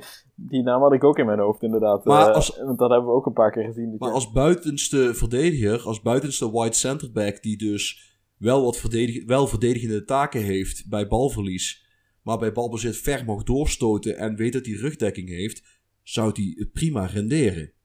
Dus je, je probeert de sterke punten van je ploeg beter naar voren te laten komen. Want ik had daar met Mikolenko ook een uitstekende voetballer staan. Terwijl je de zwakke punten probeert te maskeren. Want die verdedigende middenvelders die ik dan had, dat waren vaak ook gewoon pure slopers. Die, die hoefden zich niet heel erg bezig te houden met spelverdelen. Daar waren andere spelers voor. Die moesten gewoon alles omschoppen wat een andere kleur t-shirt aan had. Ja, dat werkte als een tierenlier. Dan kwam je vaak bij wat fysiek sterkere Oost-Europese of Afrikaanse spelers uit. Die fysiek ijzersterk waren, redelijk goed tactisch gedisciplineerd waren. En ook, het ook niet erg vonden dat ze niet heel erg mee hoefden te voetballen. Dus ja, dat en match het dan inderdaad in godsnaam met de teaminstructies die je geeft. Ik, ik zie ook wel eens iemand, dan, dan willen ze counterpressing gaan spelen. Dan stellen ze een trequartista op. Uh, ik geloof dat de Nederlandse vertaling daarvan is een nummertje 10. Maar Paul, kijk eens voor de aardigheid in voetbalmanager. Wat heeft een trequartista hardcoded staan? Wat, wat kun je niet uitschakelen bij een trequartista als je naar zijn individuele instructies kijkt? oh, het is trouwens, ja, trequartista, even kijken hoor. ondertussen even een liedje doen we hier. Um, even kijken. Hold position, take more risks, shoots less often. En, en, als het goed is, heeft hij groen staan, en dat kun je niet aanvinken, ease of tackles. Of zachter tackelen, weet ik veel wat een Nederlandse vertaling is. Ease of tackle, wacht. Rechtop blijven staan. Ja, bij tackling uh, zou iets moeten staan eh, met een groen vakje wat je niet aan ja, kunt... Ease of ja, dat klopt, ja. Het duurde even voordat ik hem had, maar... Uh, en je kunt hem ook niet vragen om meer druk te zetten. Meer druk. Nee. Dus nee. Als, als jij counterpressing wil spelen, is dat dan de man voor jou? Nee, nee. Dus, dus de, de Trekker is gewoon een, eigenlijk gewoon een gigantische luiaard. Ja, maar die heeft andere kwaliteiten. Alleen precies, precies. binnen, binnen dat idee wat je hebt, heb je er geen, heb je er geen zak aan. Nee. Het, uh, het, is, uh, het is een rol die in het moderne voetbal denk ik niet meer echt voor... Dat, dat waren de Aymars en de... Nee, dat waren, dat waren meer de Anganches. Een, een, een trequartista, dan heb je het meer over een, uh, een Roberto Baggio. Die, die fladdert over het veld in de voorste linie. En die zoekt eigenlijk ruimte. Wat hij zoekt is, hij, die probeert weg te blijven uit de, uit de directe duels. En die probeert ruimte te vinden om van daaruit met passes en voorzetten en misschien een enkele keer een dribbel gevaar te stichten. En ja. wat, wat ik bedoel met de, de luie Aymar of Riquelme spelmaker, dat is de Angange. Want de Angange is een niet-mobiele spelmaker. Die staat op een bepaalde plek en uh, die beweegt af en toe 10, cent, 10 meter naar links of 10 meter naar rechts, naar voren of naar achter. En dan heb je dus een beetje zijn, zijn actieradius gehad. En ook daar, uh, kijk voor de aardigheid is naar de Angange als je hem aanklikt. En ook de Angange heeft een heleboel opties die je niet kunt bewerken. En al die opties die je niet kunt bewerken hebben te maken met bewegingen. Namelijk, hij kan de bal niet vasthouden en hij kan niet met de bal gaan rennen. Uh, hij kan ook niet meer gaan dribbelen, want dat staat uit. Ja. En hold position staat vast. Dus eigenlijk is het een redelijk statische speler. Ja. Daar, daar hoeft niks mis mee te zijn. Als dat is hoe jouw team speelt. Um, ik zal je een ander voorbeeld geven. Ik, ik, ik heb altijd geprobeerd om een targetman op 10 te krijgen. En een van de spelers die ik daarvoor gebruikte, een van de rollen die ik daarvoor gebruikte, was de Angange. Waarom? Die staat vast op die plek. En ik dat dan gewoon zorg dat er een enorme bonk van de vent staat. Als hij daar maar vast staat en we trappen de bal op zijn hoofd, dan doet hij wat hij, wat hij moet doen, namelijk die bal doorkoppen. En het is weten wat de, de, de natuurlijke bewegingspatronen van een speler zijn, van een rol zijn. Match dat met de speler die ik daar neerzet, of heeft die PPM's die niet matchen met de opdrachtje, opdrachten die je hem geeft. En match dat binnen de teaminstructies en de, spelers, en de instructies van de spelers om hem heen. Ja, ja inderdaad. Um, misschien als we nog even teruggaan net, naar net een beetje. Ja, sluit hier ook wel bij aan. Um, als we gaan kijken in, in balbezit, wat je dus inderdaad wil doen, is vooral spelers in ruimtes laten bewegen. En die ruimtes die ze achterlaten, moeten dan weer opgevuld worden door iemand anders en zo verder. Um, en dat merk ik ook wel, wat ik, wat ik veel zie, is dat mensen daar moeilijker mee hebben om dat te visualiseren. Um, Omdat in principe de tactiek die je op je tactieke scherm eh, ziet, die komt het dichtst bij de formatie die je hebt in balverlies. Het komt niet helemaal overeen, maar die komt daar het dichtst bij in de buurt. En die zit veel minder dicht in de buurt bij de formatie die je hebt in balbezit. Ja. Ja. Uh, en dan werkt het soms heel goed om gewoon eventjes pen en papier uh, oldschool erbij te pakken. En eventjes uit te tekenen hoe dat je spelers zullen staan in balbezit. Of wat dan heel aardig ook werkt, is dat je die oefenwedstrijden ook gewoon gebruikt om eens te kijken hoe je spelers bewegen. En ja. daar kun je het dan... doen zonder dat het gevolgen heeft. Kijk eens gewoon wat ze doen. En kijk eens, nou ja, je, je merkt het vanzelf wel als het niet effectief is, want dan scoor je geen doelpunten. Of dan geef je veel kansen weg. Nou, en als je veel kansen weggeeft, dan kun je kijken waar het probleem zit. En als je geen doelpunten maakt, nou ja, dan weet je waar het probleem zit. Namelijk voorin. Of in ieder, of ieder geval bij de aanvallende spelers. Als jij als gedacht had dat je met veel doelpunten zou gaan maken en hij maakt ze niet. En het is wel een goede speler, dan ligt het probleem niet bij de speler, niet bij de rol, maar wel bij hoe je de rol in het geheel gebruikt. Dus of je moet de rest van de tactiek aanpassen zodat de Mazala in zijn kracht komt te staan. Of je verandert de rol van de Mazala zodat het geheel binnen het team klopt. Wat je zelf wil. Maar je zult iets moeten doen dan. Uh, op zich is het voor mij de tweede chockerende ontdekking deze, deze aflevering hoor. Dat, dat wat, wat Erik zegt, dat, dat, dat wat je in je tactieke scherm ziet, dat het dus meer te maken heeft met je. Als je niet de bal hebt, dan wel de bal. Ja, dat klopt. Dat, is, dat, ja. dat, ja, dat is vrij heftig voor mij, want ik dacht dat het precies andersom was. Ja, uh, Paul, je, je, gaf zelf al aan, uh, dat eerdere voorbeeld wat we gebruikt hadden, dat is eigenlijk precies hoe jouw eigen tactiek ook staat. Ja. Met die inverted ja. winger en die Mazala en die complete en wingback. Ja. Maar dan, dan, zie je toch ook regelmatig dat je complete wingback als een halve linksbuiten staat te voetballen. Ja, dat, dat is waar, ja. Terwijl je als centrale middenvelder ergens in de, in de buurt van de penalty stip opduikt. Dan, dan matcht, dat klopt toch voor, geen, voor geen hout meer nee, van hoe waar. je begonnen bent. Nee, daar, heb je gelijk. Want het stuk, ja, dat tactieke scherm is vrij, niet, niet vrij statisch, super statisch. Dus je moet er inderdaad wel even ja, ik doe weer met mijn handen. Het heeft geen enkele nut voor de luisteraars. Maar uh, misschien hoor je wat gefladder. Um, Ziet er wel maar, leuk uit. Ja, thanks, thanks, thanks. Uh, nee, het, het, als, als ik er even over doorredeneer, maakt het ook wel... Uh, het klinkt ook wel logisch, sorry. Ja, nee. Zeg, het, is, het is ook niet dat we je nou voor gek verslijten. Want je nee, bent nee. niet de enige die hier een, een openbaring heeft meegemaakt, waarschijnlijk.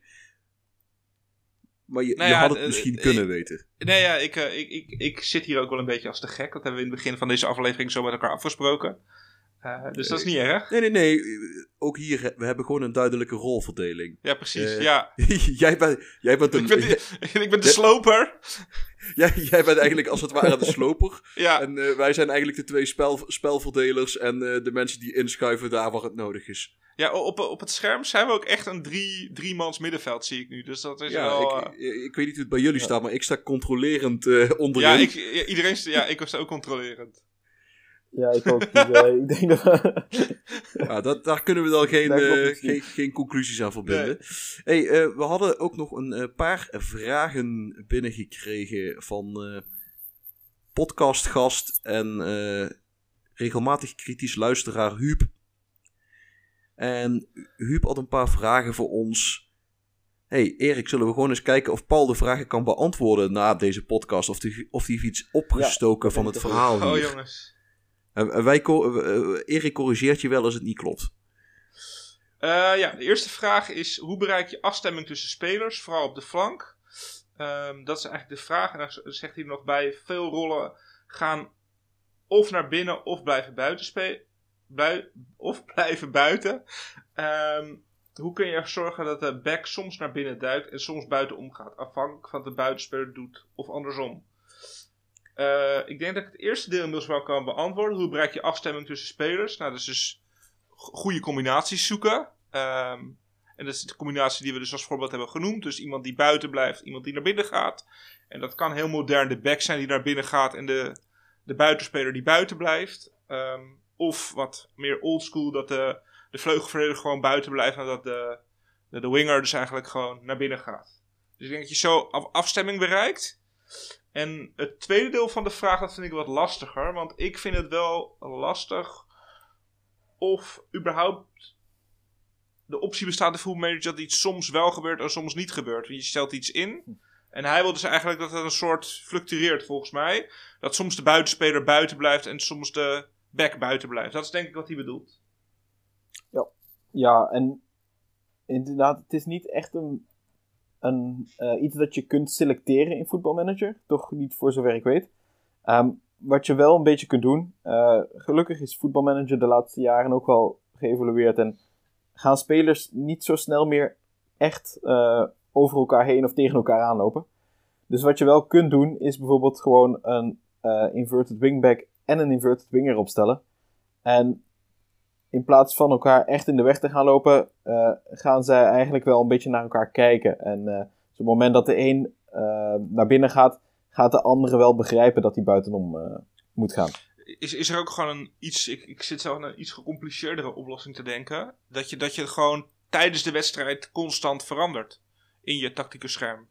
Ik zou het vergeten, maar dat je dus inderdaad de hele tijd wisselingen van rollen eh, doet tijdens de wedstrijd. Kan, als je niks beters te doen hebt. Ja, ik vraag me vooral af of dat, dat echt een meerwaarde gaat hebben. Ehm, ik Nee, maar eh, denk slash vrees dat voetbalmanager daarvoor ook nog eigenlijk nog niet slim genoeg is om daardoor van slag te raken. ik, eh, ik durf het wel zeker te zeggen dat je daar eh, ja, ni- niet, niet heel veel aan hebt als je continu de ja, als je continu de zaak omgooit. Het enige wat je daarmee bereikt is dat je je eigen spelers pislauw maakt. Ja, je kunt, je kunt dan beter kijken gewoon naar wat je tegenstander doet. Want dat zal over het algemeen tijdens een wedstrijd niet zo heel vaak veranderen. Dus eh, op het moment dat je ziet dat, het, dat er vooral ruimte ligt voor je, eh, voor je winger bijvoorbeeld om naar binnen te komen. eh, en dan je buitenspeler, je verdediger eroverheen te gaan. Laat het dan gewoon zo staan. Als het een keer, als je het idee hebt dat het in die wedstrijd andersom beter is, kun je het gewoon zo laten staan. Tegenstander gaat zich echt niet zo snel aanpassen. Nee. Nee, dus eh, ja, wat, eigenlijk wat jullie ook al gezegd hebben. Ik denk dat ik me daar wel bij aansluit in deze. Het is niet mogelijk om, om, spelers structureel die keuzes te laten maken. Maar door een andere speler in die zone neer te zetten, blokkeer je min of meer zijn pad en dwing je hem om een andere route te kiezen. Dus hetzelfde reden waarom ik bijvoorbeeld, als je die shadow strikers meer in het midden wil houden, zorg je ervoor dat je echte wingers of inverted wingers aan de, op de vleugels hebt staan die die zone be- bezetten. Dan kunnen ze niet naar buiten toe en dan moeten ze wel de 16 in. Dus het is eigenlijk een, eh, ja, noem het, noem het een, eh, de wet van blokkade. Als, als een bepaalde zone geblokkeerd is en die speler heeft wel het idee dat hij naar voren toe moet, dan zoekt hij wel een andere weg om er langs te komen. Dus Dan was er nog een, eh, een tweede vraag van Huub. En eentje die staat min of meer los van het thema. Maar kom, omdat het Huub is, gaan we hem gewoon proberen te beantwoorden. Ja, hoe kun je flu Fluidity. fluidity aanpassen. Ehm, dat kon je zelf instellen, is nu afhankelijk van andere instellingen. Volgens mij is dat gewoon een gevolg van je tactiek, toch? Van hoe je je tactiek opbouwt. En dan eh, oordeelt voetbalmanager daar een soort van over door te zeggen ehm, hoe fluide, fluide je tactiek is. Bij mij staat het namelijk flexible. Ehm, maar dat is toch gewoon een soort optelsom van, van je tactiek eigenlijk? Ja. Ja. Dat is de, een soort beoordeling. Ja, dat is de, de, hele makkelijke versie. Ja, De- wij kunnen dat niet meer rechtstreeks beïnvloeden. En de reden daarvoor is het omdat mensen in het verleden dingen deden die voor geen meter werkten. Hm. Eh, en, en vervolgens dan boos werden op Sports Interactive van ja, ik heb dit gemaakt en het werkt niet. En ja, eh, of dat je er überhaupt iets van moet aantrekken, eh, dat denk ik wel een beetje. Ehm, stel, ja, het is een beetje te zien wat voor een voetbal dat je wil spelen. Ik denk als je strikerless eh, wil spelen en je je hebt je formatie helemaal ingesteld en eh, daar links onderaan je tactiekscherm staat. Ik weet eigenlijk niet eens hoe dat het dan heet, maar in elk geval dat het helemaal niet fluide is. Dan heb je ergens iets fout staan in je instellingen waarschijnlijk. Dan, de kans dat dan je strikerless gaat werken is gewoon heel klein. Want dat is een manier van voetballen waarbij dat, die, ja, dat je speelstijl heel, eh, heel eh, fluide moet zijn. Ja, Dus op die manier moet je er wel iets van aantrekken, denk ik. Nou ja, het, het hoeft niet, want daar ben ik ook heel eerlijk. Ehm, f- fluïde brengt bepaalde risico's met zich mee ook, vooral in verdedigend opzicht. Het is niet dat als ze wat meer rigide zijn, dat je dan ineens die, die, die loopacties niet meer krijgt. Alleen nemen ze wat minder risico's in hoe ze het aanvliegen. Ehm, ik was trouwens nog aan het denken, eh, iets wat je zou kunnen proberen als je wil dat ze de ene keer buitenom en de andere keer niet gaan, is als je de swap position optie gebruikt. Maar ja, om nou te zeggen dat dat een, een lekker gaat uitpakken de hele tijd, ik, ik ben er bang voor. Als je de back en de middenvelder Nee, of want aanval... Ze nemen de rol over, dus de, Nee, klopt, maar dan- dan- zich daarvoor geen Dan, zou je er wel voor kunnen zorgen dat iemand de ene keer aan de, aan de vleugel blijft en de andere keer naar binnen toe komt. Door... Dat wel, ja. Maar ja, zoals ik al zei, dat is gekunsteld. En je hebt maar heel weinig backs die ook als buitenspeler kunnen spelen en vice versa. Mhm. Dus eh, ja, Nee, ik, ja. dacht er, ik dacht er nog eens aan. Ik dacht, ja, het is geen briljant antwoord, maar het is wel nog een toevoegingje. Heren, ik denk dat we daarmee het thema van deze week wel eh, netjes beantwoord hebben. Vrij uitgebreid, denk ik ook wel. Ehm, dan gaan wij naar de club en de speler van de week toe.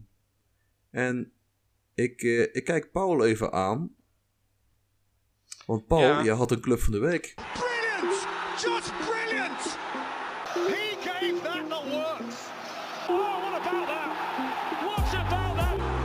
van de week. Zeker. En ik heb eh, gekozen, of we hebben gekozen voor York City. Eh, de naam zegt het al, het is een club uit York.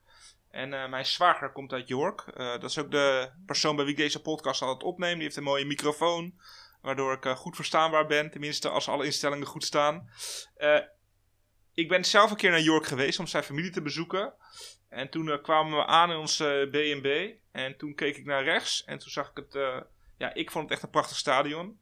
Bootham Crescent heet het. Eh, het stadion van, het stadion, stadion van York. Het zat, letterlijk in de straat van onze B&B. Eh, dus dat vond ik echt super vet. Eh, ze bestaan dit jaar 100 jaar. Ze spelen in de Panorama League eh, Noord. Dus het is het zesde niveau van Engeland. En ik ben ook wel een eh, Lower League Management fan. Dus mocht je dat een keer leuk vinden. Ze hebben ook, ja, ik vind ook wel echt mooie shirts. Mooi logo. Ehm, ja, eigenlijk heeft York gewoon alles om eh, een leuke save mee te beginnen. Ze hebben ook wat eh, bekende spelers. eh, eh, Ja, maar je gaat te snel voorbij aan de shirts en, en, en het logo. Want hou er even rekening mee dat wij dit weliswaar nu aan het wikieën zijn. ja, Maar onze luisteraars kunnen niet op ons scherm meekijken. Dus nee, verko- verkoop, ja, verkoop de club, Paul. Verkoop de club. Ja, eh, het is eigenlijk gewoon een heel simpel rode, rood shirt met een blauwe broek. Maar die combinatie die vind ik best wel erg mooi. En het logo, ja, daar komt volgens mij ook de, het, het logo van York Stad komt erin terug. En dat zijn een soort van eh, hele rare leeuwtjes. Eh, dat zijn er vijf. vijf rare leeuwtjes. Ehm, en ja, ja. Ik, ja, ik, ik, vind, ik, ik vind het gewoon een hele mooie, een heel mooi standaard Engels logo eigenlijk. En dan vroegen jullie natuurlijk af welke oud-spelers. ehm, eh, en dat heb ik wel ergens paraat, maar dat kan ik nu even niet vinden. Ehm, Ik heb hier eh, Neil Warnock. ja, volgens mij ook die keeper, Dean Keely. Die heeft er gekiept. Het is een keeper van 20 jaar terug, een Noord-Ier. Ehm, ja, Ik zie hier nog David Stockdale en Derwin Ma- Martina. Maar nou, dat, is- dat, dat zijn nu ook niet dat, dat, te dat grote zijn de, de legendes. Nou ja, het is, het is, het is gewoon eigenlijk een, eh, een hommage aan mijn, aan mijn zwager. Omdat ik dus eh, hier altijd de podcast op mag nemen bij hem. Ehm, En het is gewoon leuk om weer eens eh, de diepe krochten van het Engelse voetbal in te gaan. Ik heb er zelf de UEFA Cup een keer, of de Europa League een keer mee gewonnen. Ehm, ja, het is, het is gewoon, je, je kan van eigenlijk niets iets maken. En dat, dat is heel erg leuk aan, uh, aan deze club. Nou, dat is een, uh, daar kunnen we wel wat mee. York, F York City FC als, ja. uh, als club van de week. Ze zijn behoorlijk afge, afgedaald. Dus het is ook wel een soort. Nou, het is nooit een reus geweest. Maar ze hebben volgens mij wel op het derde en op het tweede niveau gespeeld. En nu spelen ze op het zesde niveau. Dus dat is wel een, uh, nou ja, een club die je terug kan brengen. En daarna beter kan laten presteren dan ooit. Een, een soort van vergane glorie. Maar dan bescheiden ja. vergane glorie. Precies, precies. Ja. Niet randstedelijk. Nee, nee, precies. Erik, we hadden volgens mij ook nog een, uh, een aardige speler van de week gevonden, toch? What is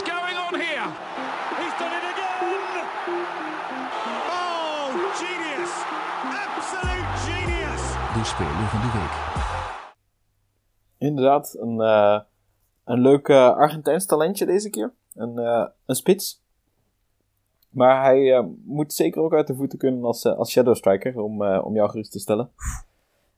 Dat scheelt. ja, dat, dat, dacht ik. dus het is Lautaro, ja, Lautaro Ovando. Het is een 18, begin van het spel door een 18-jarige Argentijn. Zoals ik al zei, een spits. Zeer compleet. Hij is wel maar een meter 72, dus in de lucht zal hij het iets moeilijker hebben, hoewel dat hij wel redelijk kan springen en ook best wel goed kan koppen. En uh, ja, we hebben het vandaag natuurlijk over, over spelersrollen gehad. En ik denk dat hij wat dat betreft ja, vrij multi-inzetbaar is. hij kan de meeste rollen moet hij wel aankunnen. En ja, zijn sterkste punt is eigenlijk het off the ball. Dus hij, hij zal altijd op de goede plaats staan. En ja, verder gewoon prima afmaker. Zoals ik al zei, hij kan redelijk schieten, redelijk afstandsschot. Um, fysiek ook in orde. Dus uh, wat dat betreft, uh, leuk spelertje. Ja, ik denk inderdaad, als je dan toch een speler zoekt die die blanco rol kan invullen, dan zou in de voorhoede Lautaro Ovando geen verkeerde keuze zijn. Een beetje een, een manusje van alles, maar ik zie heel veel 12's en 13'e terugkomen. Dan denk ik, nou ja, dan kun je op de meeste niveaus, kun je daar kun je daarmee uit de voeten. Zeker als je bedenkt dat die pas 18 is. En die 12'jes en 13'tjes met de juiste trainingen dus ook 15, 15 en 16's kunnen worden. Niet allemaal natuurlijk, maar wel eh, binnen de rol die je hem wil laten, gebruiken, uh, laten spelen. Absoluut, ja. Having said that, ik denk dat we daarmee uh, aan het einde gekomen zijn van deze aflevering. Dames, heren, want ja, er luisteren ook dames, al dus onze technicus Fabian, die ons de luisteraarsstatistieken laat, uh, horen. Uh, dames en heren, dankjewel voor het luisteren naar onze podcast vol voetbalgezever. Mochten jullie ons willen rectificeren, mochten jullie vragen willen insturen, mochten jullie Paul liefdesverklaringen willen sturen, het kan allemaal. Wij zijn te bereiken op podcast.manunited.nl. Je kunt op Twitter onze DM's binnenkomen en met onze bedoel ik vooral die van mij. Je mag die anderen trouwens ook op Twitter opzoeken. Ik heb geen idee of ze een Twitter-account hebben. Ik heb geen Twitter-account, dus je kan langs zoeken. Ik ben wel ergens te vinden. Je bent wel ergens te vinden. Volgens mij volg je mij niet eens. Schandalig. Wel, wel. Ik volg jou. Oh, toch. Um, Grote fan. Ja, vooral het afgelopen half jaar. Enorm veel getweet. Nou, um... Vergeet ook niet om je te abonneren op onze podcast, zodat je gewaarschuwd wordt wanneer we op woensdag weer een nieuwe aflevering droppen. We zouden het ook heel erg waarderen als je ons op je medium van keuze een 5 sterren rating geeft. Dat vinden die algoritmes ook wel mooi. En nou, dat vinden wij dan weer mooi. En als wij dat mooi vinden, dan wordt Fabian daar weer vrolijk van. En hè, iedereen wint. Dus vijf sterretjes, het mag gewoon. Wij vinden het leuk. Deze aflevering werd mede mogelijk gemaakt door. Nou, de vorige keer werd die mogelijk gemaakt door Spraakwater. Ehm, dit, dit keer is die mogelijk gemaakt door Ik weet niet wat Erik aan het drinken was eigenlijk. Ehm, Paul die heeft niks. Uh, thee. Thee. Hm, nee, ik heb een uh, leeg glas. Uh... Je hebt een leeg glas, dus ja. dat, dat, dat, drinkt vrij moeilijk. En Ja. ja, ik heb gewoon alleen een, een whiskietje gedronken. Maar goed, vloeibare inspiratie hebben wij ook tot ons genomen. Tot de volgende week. Doei doei. De Voetbal Managers United podcast.